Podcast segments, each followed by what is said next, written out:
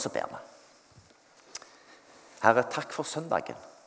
Takk for anledningen til å komme sammen. Takk, Herre, for eh, fellesskapet som vi får ha. Herre, nå ser du eh, teksten vi for oss, Herre. Vi ber om at du ved Din Hellige Ånd åpner ordet for oss. Hellige Ånd, kom til oss. Amen. Dagens preiketekst står i Johannes evangeliet kapittel 15, fra vers 1 til vers 8. Overskriften er 'Det sanne vintre'. Jeg er det sanne vintre, og min far er vingårdsmannen. Hver gren på meg som ikke bærer frukt, tar han bort. Og hver gren som bærer frukt, renser han så den skal bære mer. Dere er alt rene på grunn av det ord jeg har talt til dere.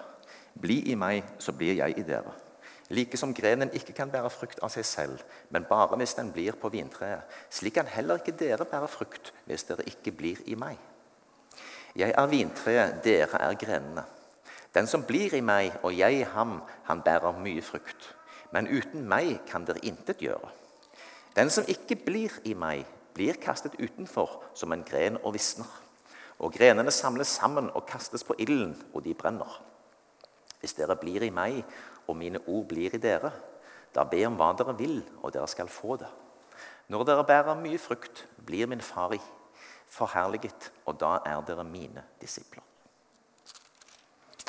Jeg tror jeg har nevnt det tidligere i vinter, men i, i, høst, jeg tror det var i oktober eller november, så var det en eh, bekjent av meg, ei dame som jeg jobbet sammen med i en eh, annen sammenheng for noen år siden, så sa hun ja, hun hadde tenkt litt på meg i det siste, og så hadde hun bedt for meg. Og så hadde det kommet sånn for meg eh, at du skulle sende en mail. Og da var det budskapet var, Jesus sa 'Kom til meg'. Og så sa hun dette oppleves litt sånn, nesten litt sånn rart å si øh, til deg som har gått lenge med Gud, og sånn, men, men jeg opplever det mer som en varm invitasjon. Og ikke liksom en, øh, noe annet. Ja, men Det var jeg veldig glad for, så jeg responderte på mail og utveksla med litt hva som hadde skjedd de siste årene. Og så, og så øh, har jeg hatt det litt med meg etterpå. Kom til meg. Hm. Hvordan ser det ut? Kona mi mente at det betydde at Kristoffer Enge, du må ta mer på alvor det som du fikk når du begynte i Salem halv sju. At du skulle komme deg opp klokka halv sju og være litt mer sånn, ha en god, rolig bønnestund. Og så vet jo kona mi òg at jeg ikke er den som følger opp uh, alt med en gang. Lar nåden virke litt for mye av og til. Litt for snill med meg sjøl. Så jeg har hatt noen gode økter etterpå uh, på morgenen som har vært til velsignelse. Uh, selv om jeg ikke er en helt halv sju-fyr ennå. Men, men kom til meg. Det opplever jeg at denne teksten her òg sier. Og det er fantastisk. Hvis vi tar Bibelen, tar den siste sida i Bibelen, som jeg alltid har vært veldig glad i Der sier Der står det sånn som dette i vers 17 i Åpenbaringen 22. Ånden og bruden sier 'kom', og den som hører dette, skal si 'kom'. Den som tørster, skal komme, og den som vil, skal få livets vann for intet. Det har alltid betydd mye for meg, den oppsummeringen der. At på den siste sida i Bibelen så er det et stort 'kom'. Og Vi kan nok oppsummere veldig mye av Bibelen og det Jesus har gjort for oss, som et 'kom'. Kom, for alt er ferdig. Kom, for alt er gjort opp. Kom, jeg vil ha noe med deg å gjøre. Jeg har kommet til deg. Nå ber jeg deg komme til meg. Og så er det òg viktig å forstå ja, synden er sona, men vi inviteres inn ved Den hellige ånd i pinsekraften til et livsfellesskap med Fader, Sønn og Hellig Ånd. Vi inviteres inn i en relasjon. Og det er denne relasjonen vi blir bedt om å være i og leve i. Og Det finnes jo ikke noe så mye sterkere bilde på en relasjon enn å si at dere er grenene, og jeg er vintre. Jeg er det sanne vintre. En meget tett kobling. En enhet. Det er ikke noe delt der. Det er en enhet. Ikke noe som kan skrus fra hverandre. Det er sammenvevd på et dypt nivå. Og så må vi ta det med det med en gang. Det er jo et alvor i det. For det står altså her at Gud Fader er vingårdsmannen. Hver gren på meg som ikke bærer frukt, tar han bort. Det er jo et alvor i det. Bære frukt og bli i Han. Så det er altså et anliggende for oss å være der at vi er i Jesus. At han blir i oss. Og at dette alvoret som går på at hvis det ikke er sånn, ja, så vil vingårdsmannen ta greina bort. Det er et alvor i det som vi må ta inn over oss. Det er en formaning om å bli i Han.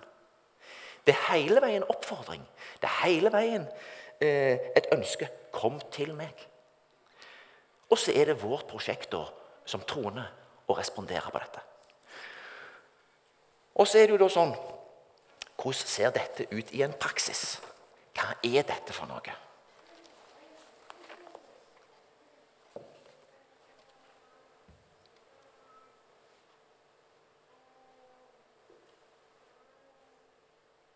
Jesus sier i forkant av det som står her, i Johannes 14, sier han, la ikke hjertet bli grepet av angst.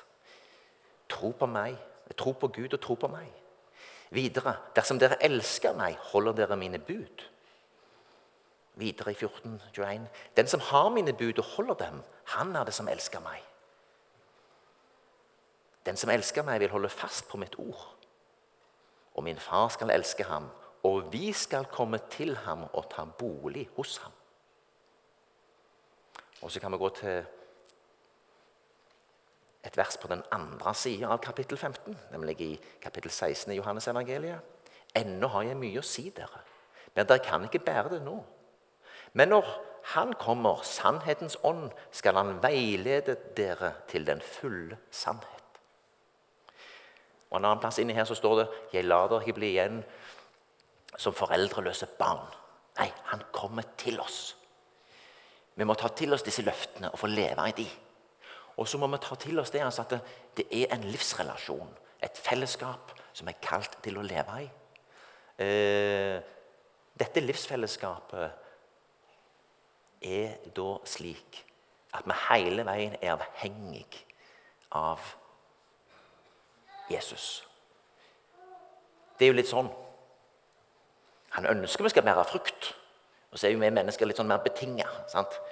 Og så ja, men Det kan se ut på bestemte måter, men det er ikke, det er ikke alltid vi ser uh, rett inn i det. Vi kan lage oss våre egne ideer om det. Men se nå at du fikk være et menneske som fikk produsere frukter. Og som andre òg sier Der ser det ut til å være mye frukt, du. Det er fullt mulig at et sånt menneske kommer inn i en slags hovmod. Sannelig. Jeg får til dette kristenlivet. Ja, Allerede der er vi jo på ville veier. Nå hviler vi liksom i det vi har gjort, og det Gud har fått lov til å gjøre gjennom oss og bruker oss til. Og så ser vi tilbake og hviler i det. Plutselig er dette livsfellesskapet litt sånn halvmorkent. Og det er ikke uten grunn at vi har Johannes' åpenbaring og de tekstene som står i innledningen der, om de ulike menighetene. Noen hadde blitt lunkne, noen hadde gått litt på avveier. Vi trenger å kalibreres. For midt i den åndelige veksten, og det ser så veldig fint ut, ja, så går det an å la seg miste noe av dette livsfellesskapet. Du hviler i andre ting. Derfor er det så viktig at vi stadig får være der. Og Derfor var det så bra med den påminnelsen som denne bekjente meg ga meg. Jesus sa 'Kom til meg'. For det er noe som vi må leve i. Og denne teksten her er en sterk påminnelse om dette. En veldig sterk påminnelse. Jeg er det sanne vintre. Dere er greinene. Uten meg kan dere ikke gjøre noen ting. Og den frukt jeg vil ha, ikke at dere produserer symptomer der ute og får det til å se fint ut. Se hvor flinke vi var. Hva må egentlig der? Nei, nei, det er at alt vi gjør, er overgitt til Han. Eh, gjerne blitt innleda i bønnen, der vi ber Gud om visdom og veiledning. Gjerne bekrefta i ordet, i fellesskapet, andre troende. Men at vi hele veien får leve i en livsstrøm der vi er i Han. Det må være et mål. Det er fort gjort å lage seg ei greie der det ser veldig fint ut og fjongt ut. Det kan være i menigheten, det kan være i misjonsorganisasjonen, det kan være i den fine kristne familien. Men det er livsfellesskapet. Det er å bli i Han. Er at dette blir en relasjon og en samtale, en bønn. Og, som har blitt minnet om allerede, bli i mitt ord. Dersom dere elsker mine bud, ja, der er det noe. Vi har fått ordet som en veileder. Og ordet roper dypest sett 'kom'. Og vi skal få lov til å leve i det. Så vil vi Før vi går videre, så vil vi ha en liten avstikker til Salme 80. Det er veldig spennende. I Salme 80 i min oversettelse så har en overskriften 'Reis oss opp igjen, Herre'. Den innledes med 'Hør oss, Israels hyrde'. Du som fører Josef som en jord, du som troner over kjerubene, vis deg i stråleglans for Efraim, Benjamin og Manasseh. Hør oss, Israels hyrde. Det er sterkt. Vekk din kraft og kom oss til hjelp.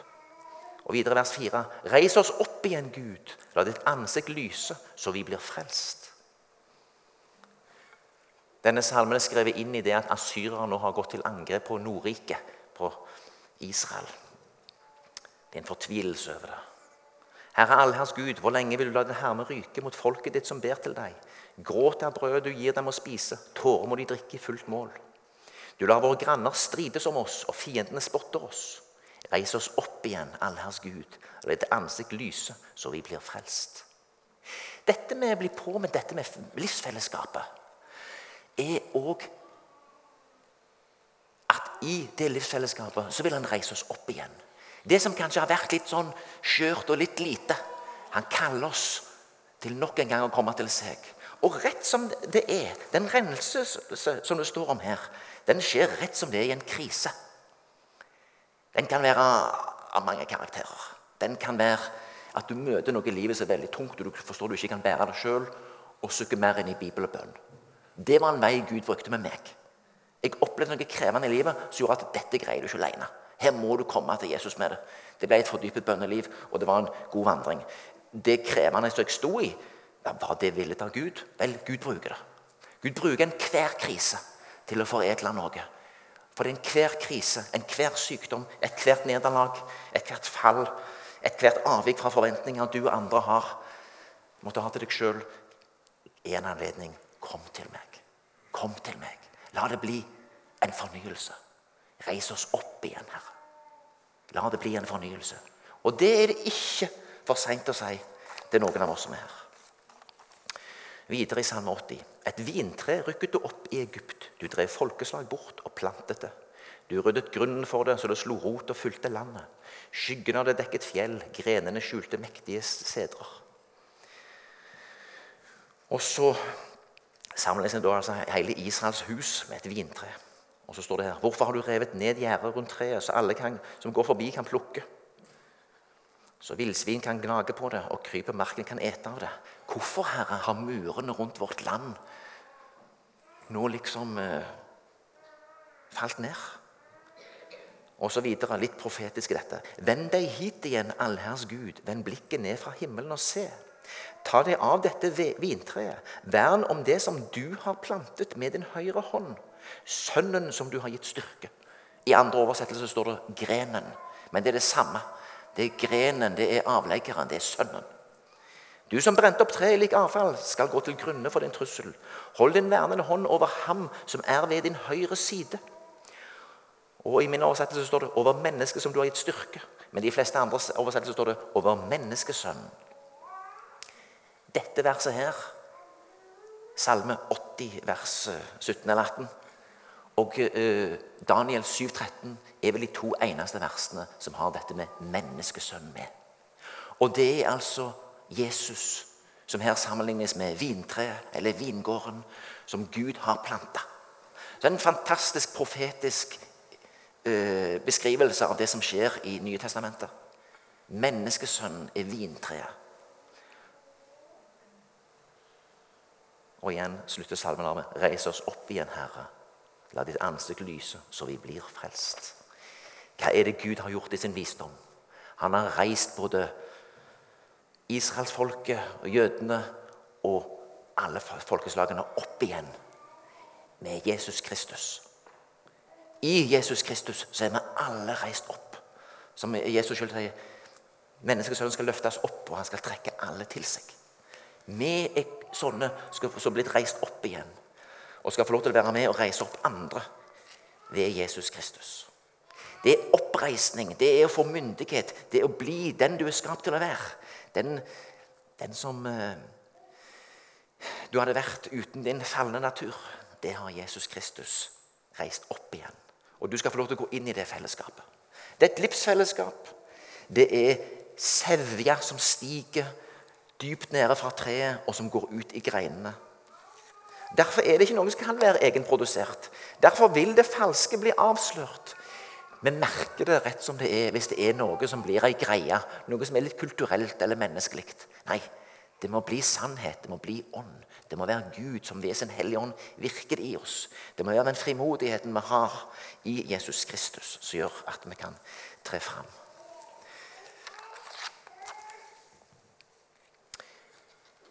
Så er det litt sånn, da Ja, hvordan ser det ut med denne frukten?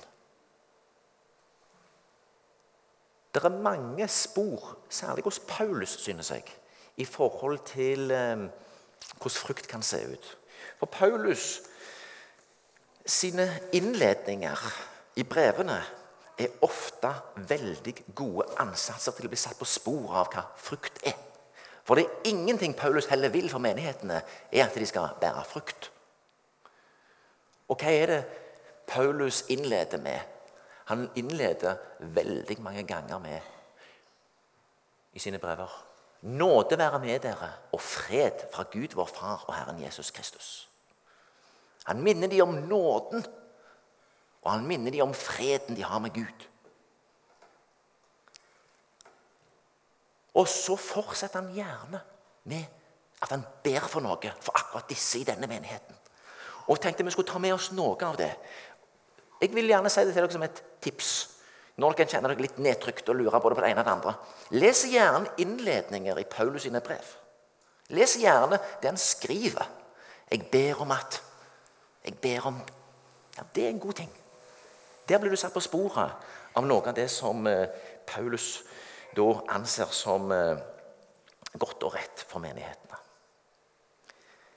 Hvis vi tar innledningen i Filipperbrevet, så er han fin. Jeg takker alltid min Gud når jeg tenker på dere. Og hver gang jeg ber for dere alle, gjør jeg det med glede.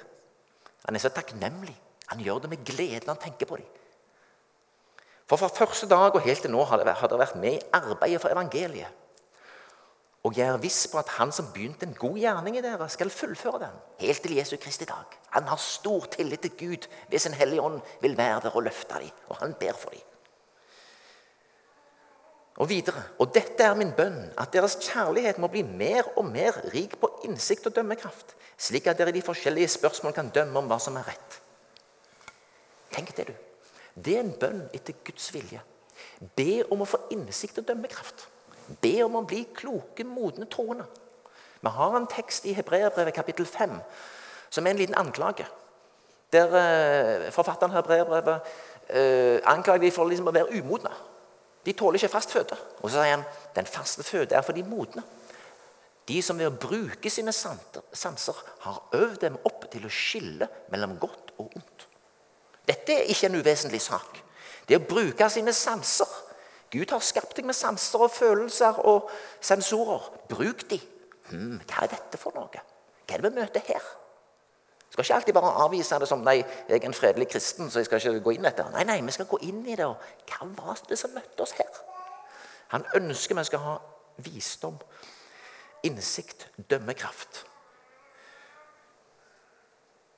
Slik at dere i de forskjellige spørsmål kan dømme om hva som er rett. Det er én ting. Så skal dere stå rene og uten feil på Kristi dag, fullt av rettferdsfrukt som skapes ved Jesus Kristus. Gud til pris og ære.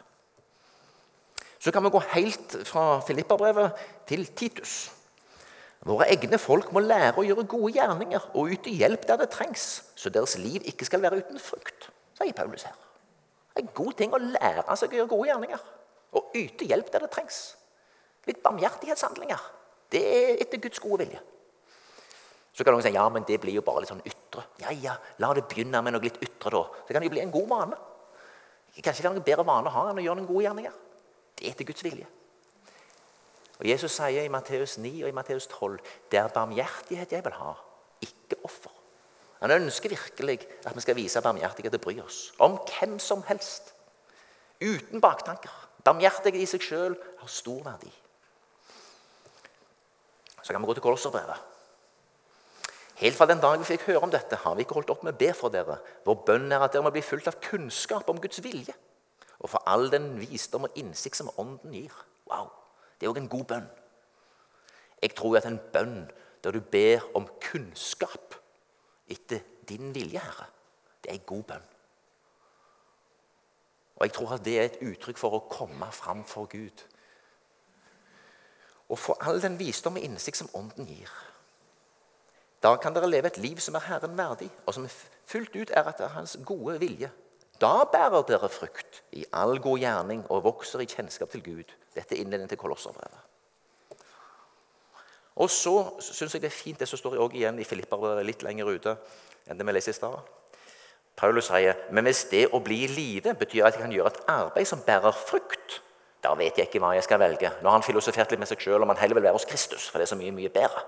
Men så er det jo mulighet ennå for å drive et arbeid i dette livet som bærer frukt. Ja, Da kjenner han på Da er jo det en fin ting. Det så sier han da, Men å bli i live er mer nødvendig for deres skyld. Det er jeg viss på, og derfor vet jeg at jeg skal leve og være hos dere alle og hjelpe dere til fremgang og glede i troen. Da er vi inne på noe veldig fint. Da er altså det å bære frukt og å være til glede og fremgang i troen for andre. Ja, men da er vi jo midt i menigheten. Så spennende. De som her legger til rette praktisk for at vi skal kunne bruke dette huset.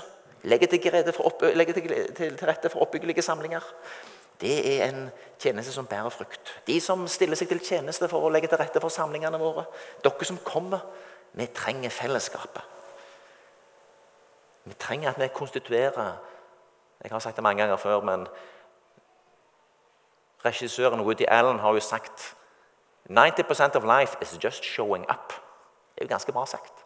Det er veldig veldig viktig. Og 90% av det som gjør at vi har det fint sammen her nå, det er at dere kom. Uh, noen har forberedt noe i tillegg, men, men, det hadde vært veldig kjedelig hvis dere ikke kom. Det er veldig viktig at dere kom. Og vi styrker hverandre med å komme sammen. Det er en troshandling å bevege seg til å møte de kristne søsken. Det må vi aldri se vekk ifra. Det er en handling som i seg sjøl bærer frukt. For hvor to eller tre er samlet, der er jeg midt iblant dem. Så du hjelper at dette løftet oppfølger med at du kommer. Drar du med deg en til, så er løftet allerede oppfylt. Og så Efeserbrevet. Vi kan runde av med det. En gang var dere selv mørke, men nå i Herren er dere lys. Dette er fra kapittel 5. Lev da som lysets barn. Og så er han, Lysets frukt er godhet, rettferd og sannhet. Så fint. Lysets frukt er godhet, rettferd og sannhet. La oss være gode med hverandre. La oss bry oss om hverandre. La oss også kjempe for rettferdighet og det som er rett. Og ikke tåle alt, verken på vegne av oss sjøl eller andre. Vi skal reise oss opp for retten. Gud vil òg i sin ånd vise oss det. Sannhetens ånd avslører òg urett. Og Vi skal ikke tåle alt. Vi skal ikke gå for fred for enhver sammenheng. Rettferdig er òg en viktig del av frukten. Og sannhet. Å få leve i den frimodighet som sannhet gir. Og om de litt sånn halvgufne tingene om oss sjøl de der litt skakke tingene som ennå ikke er perfekte. Vi lever i helliggjørelse, men vi er jo ikke perfekte. Det å komme fram for Gud med det og kanskje bekjenne for en eller annen Jeg er ikke av de som har veldig sansen for at vi skal bekjenne alt så veldig stort i, i, i den store forsamling. Det kan bli litt utrygt. Men der er vi litt forskjellige. Noen tåler mye. Men jeg tror altså at å få leve i sannhet og ha noen du kan gå til og dele de tøffe tingene med, og få lov til å bygge en kultur for sannhet Ja, jeg må ta med ett vers til helt til slutt fra Galaterbrevet. Men åndens frukt er kjærlighet, glede, fred, overbærenhet, vennlighet, godhet, trofasthet. Tålsomhet og selvbeherskelse. Og det siste verset der, Galaterne 5, 25. Har vi fått liv over ånden, så la oss også leve med ånden. Bli i meg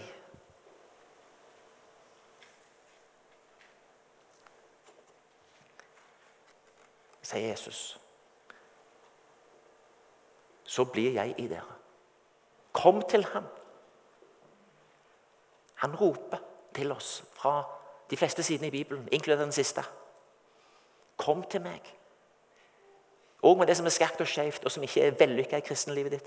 Og med de tingene som du kjenner er frustrerende. Legg det fram for Gud i bønn. Del i et fortrolig fellesskap. Kom sammen i det kristne fellesskapet. Lev ut de gode vanene.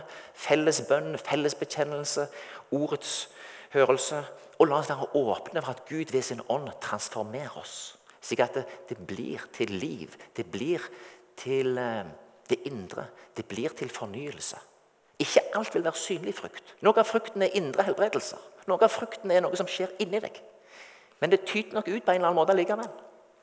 Uten at du vet det. Og så skal vi få lov til å leve i den fred at det først og fremst er en væretilstand. At vi ikke skal måle hverandre på hm, bærer han eller hun eller de frukt. Nei, nei, nei. Det er et livsfellesskap der frukten kommer av livsfellesskapet, og vi må ha lov til å hvile i å være i Han. Vi må dvele ved det. Vi får lov til virkelig å bade i fellesskapet. I en familie et hjem så er du ikke først og fremst noe for det du gjør i familien. Du er først og fremst en forelder eller et barn. Du er i noe. Sånn skal det være for oss òg. Det tror jeg er veldig viktig å ha med oss.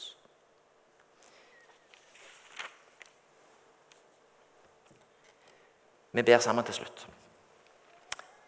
Herre, vi takker deg for det kristne fellesskapet. Vi takker deg for at vi har lært ditt ord å kjenne. Vi takker deg for denne teksten, Herre, der du oppfordrer oss til å komme til deg og bli i deg. Herre, Jeg ber for hver enkelt som har kommet hit i dag. Jeg ber om at du blir i den enkelte av oss. At du gjør den gjerning i oss. Og Herre, jeg ber om at du på ulike måter bare får lov til å skape i oss eh, frukt, Herre. Jeg ber om at du, du eh, gjør din gjerning med den enkelte.